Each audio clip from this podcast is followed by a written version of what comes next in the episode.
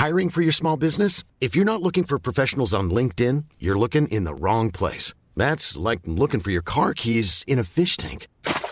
LinkedIn helps you hire professionals you can't find anywhere else, even those who aren't actively searching for a new job but might be open to the perfect role. In a given month, over 70% of LinkedIn users don't even visit other leading job sites. So start looking in the right place. With LinkedIn, you can hire professionals like a professional. Post your free job on linkedin.com slash people today. Since 2013, Bombas has donated over 100 million socks, underwear, and T-shirts to those facing homelessness. If we counted those on air, this ad would last over 1,157 days. But if we counted the time it takes to make a donation possible, it would take just a few clicks. Because every time you make a purchase, Bombas donates an item to someone who needs it. Go to bombas.com slash ACAST and use code ACAST for 20% off your first purchase. That's bombas.com slash ACAST, code ACAST.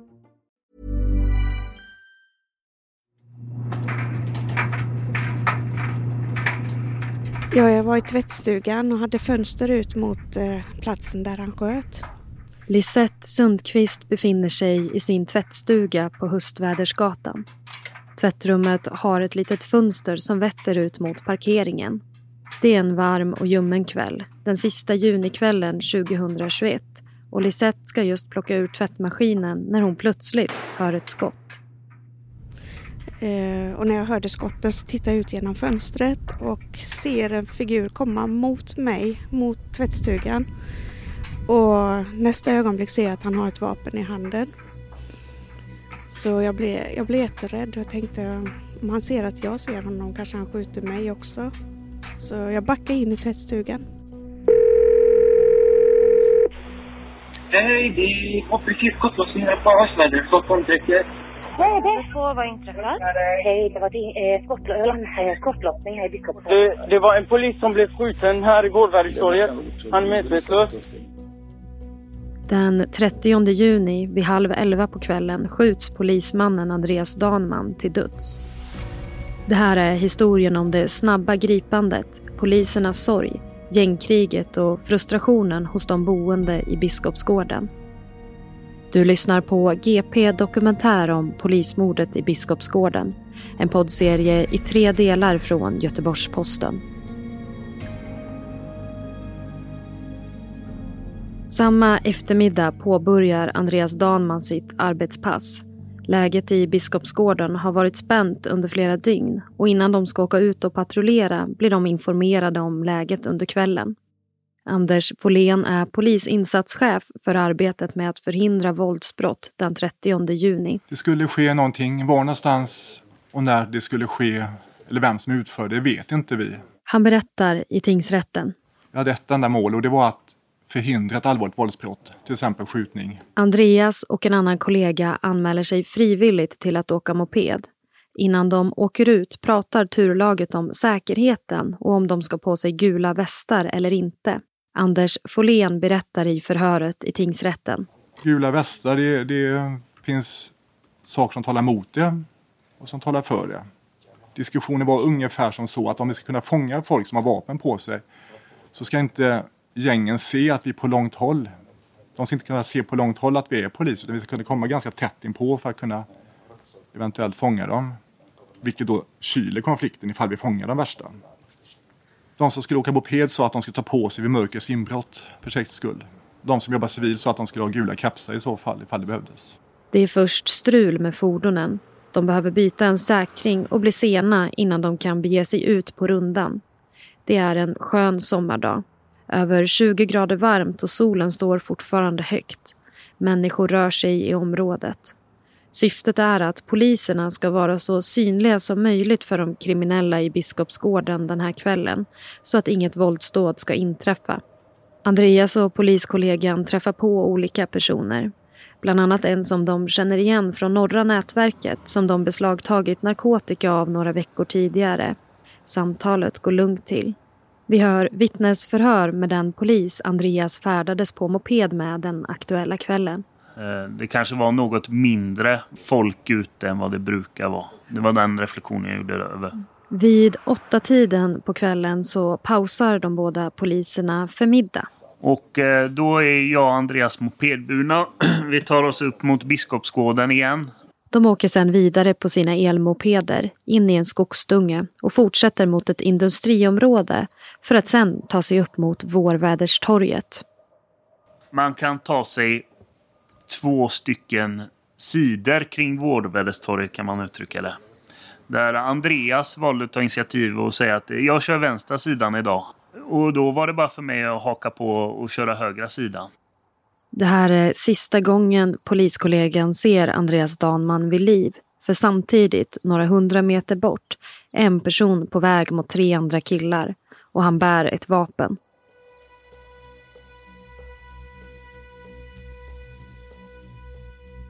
Ja, det är ju så att eh, det kommer en person på sparkcykel inkörandes på Höstvädersgatan på gården där.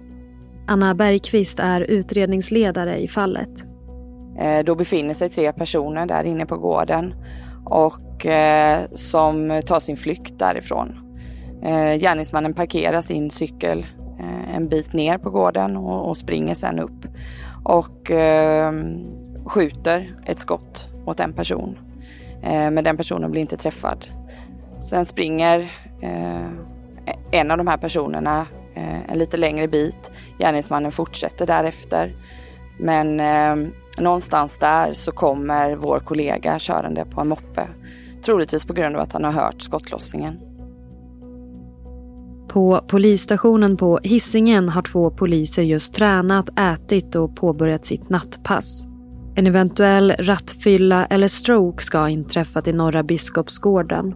De åker ut när de får höra på radion att det varit en skjutning i närheten. Min uppfattning är att det är farligt.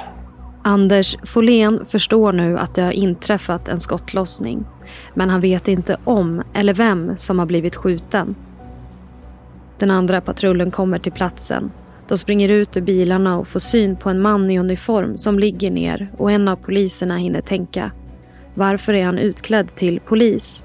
De springer dit och påbörjar hjärt och lungräddning. Och inte långt därefter så hör jag ett skrik på radion. Den polis som har som uppgift att hålla koll på övervakningskamerorna under den aktuella kvällen får veta vad som har hänt. Han åker ut till platsen och berättar i rättegången hur han sen hör en kollega ropa i radion. Eh, att en kollega är skjuten. Och det är ett jätteskrik. Anders Folén, polisinsatschef, kommer till platsen. Jag åker fram och så ser jag två kollegor som eh, hjälper en kollega som ligger på marken. Det är kollegan Danman som ligger på gatan. Kollegorna kämpar för sina liv för att vårda Danman. Då får jag ett samtal ifrån eh, eh, vakthavande befälet vid ledningscentralen. I Mundal, en dryg mil söder om Biskopsgården, har Dan Vint, som är chef vid lokalpolisområde Syd i Storgöteborg, precis gått och lagt sig när telefonen ringer. Jag känner henne väl och jag hör direkt på hennes röst att det är något allvarligt som har hänt. Hon säger Danne, det har hänt något fruktansvärt. En, en polis kommer dö. Veckan när det här händer är Dan Vint chef i beredskap i regionen. Vilket innebär att han har ansvar efter kontorstid om något allvarligt händer. Han kopplar in stabschefen i beredskap och sen ringer han chefen i polisområdet och berättar vad som har hänt. Och han sätter sig i bilen och kör in mot polishuset. Och på den resan in där liksom, så försökte jag stålsätta mig och plocka bort känslorna och kliva in i rollen som professionell yrkesman. Och eller yrkesperson och, och göra det här så bra som det bara går. Dan Vint blir kommenderingschef för arbetet med att hitta en gärningsperson. Så eh, min roll är att jag sätter inriktningen för insatsen. Jag, jag, bestämde vad är det vi ska göra först och i vilken ordning vi ska göra sakerna. Och det som jag beslutade då det var att vi ska fokusera på att gripa gärningsmannen till varje pris. Ja, men det första som gör att jag tror att det är än eh, någonting utöver det vanliga är när vi, vi börjar höra väldigt mycket sirener. Johan Andreasson jobbar som live-redaktör på Göteborgs-Posten på kvällen den 30 juni. Flera samtal och tips kommer in till redaktionen och han försöker förstå vad som har hänt. Går och kollar ut genom de här stora fönstren som finns på redaktionen. Så ser vi, ja, så det är 50 polisbilar tror jag. Känns det som. Alltså hur många som helst som bara kör i full fart över bron och då, redan då förstår vi att det är någonting stort har hänt. I denna skjutningen, precis som i alla skjutningar, så blir det liksom en typ av kaos på platsen såklart. Anna Bergqvist, utredningsledare. Det finns ju flera boende i området som både har hört och sett saker, som tar kontakt med SOS Alarm och med polisen för att eh, påkalla hjälp och, och delge sina uppgifter vad det är de har sett och för att vi också ska inleda vårt arbete där på platsen. Eh, så det rings in många samtal. Flera poliser kör nu i ilfart mot Biskopsgården. På radion ropas eventuella flyktvägar och signalement ut. Den polis som ansvarar för att hålla koll på övervakningskamerorna under kvällens insats berättar i förhör vad han får se när han kommer till brottsplatsen. Och de håller på att jobba för fullt med honom. Eh, jag tittar snabbt över Andreas. Eh, fastnar snabbt i, vad kan det varit, vänstra knät tror jag det var. Jag tycker mig se att det är ett hål i knät och jag tycker jag ser eh, även blod på knät. Så jag får bara uppfattningen att han är skjuten i benet. Så jag sätter på en tourniquet snabbt. Eh, det använder kanske i samband med detta fler kollegor. Eh, jag hör eh, de andra kollegorna som är först på plats som pratar med Andreas och ja, de jobbar febrilt med honom. Ambulansen anländer och lastar den svårt skadade polisen.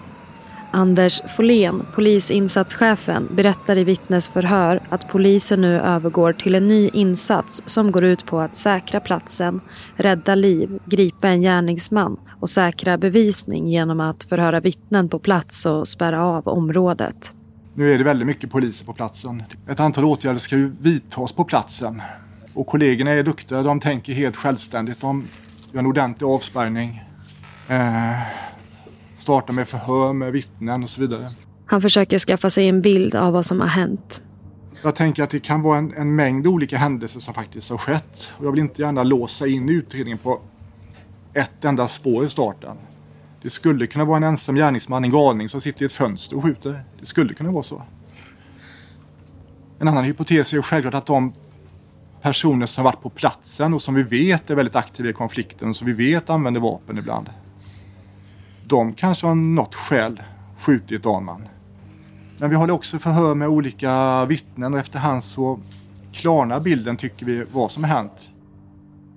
Det är ju sommarnatt så det är inte kolsvart men det är ju mörkt så man ser liksom att de, de går runt i grupper som i skallgång och söker av Mia Höglund, fotograf på Göteborgs-Posten, åker ut till Biskopsgården. Det är ju oväntat lugnt på platsen. Men eh, det kommer ju fram lite folk och så under tiden vi är där. Och eftersom att man inte vet någonting så blir man lite på helspänn. Jag tycker mig se att poliserna är väldigt berörda av händelsen. Det, det är väldigt dämpad stämning. Man ser att de är tagna av situationen det är en enormt tung känsla på platsen. Även om det är mycket folk så är det väldigt tyst. Tiden står lite stilla. Så det jag visste var att det var på Höstvädersgatan, att polismannen var skjuten. Jag visste att vi hade gripit eh, två eller tre personer, men inget, inga detaljer runt, eh, runt själva händelsen. Inne på polisstationen håller kommenderingschef Dan Wind på att få en bild av vad som har hänt.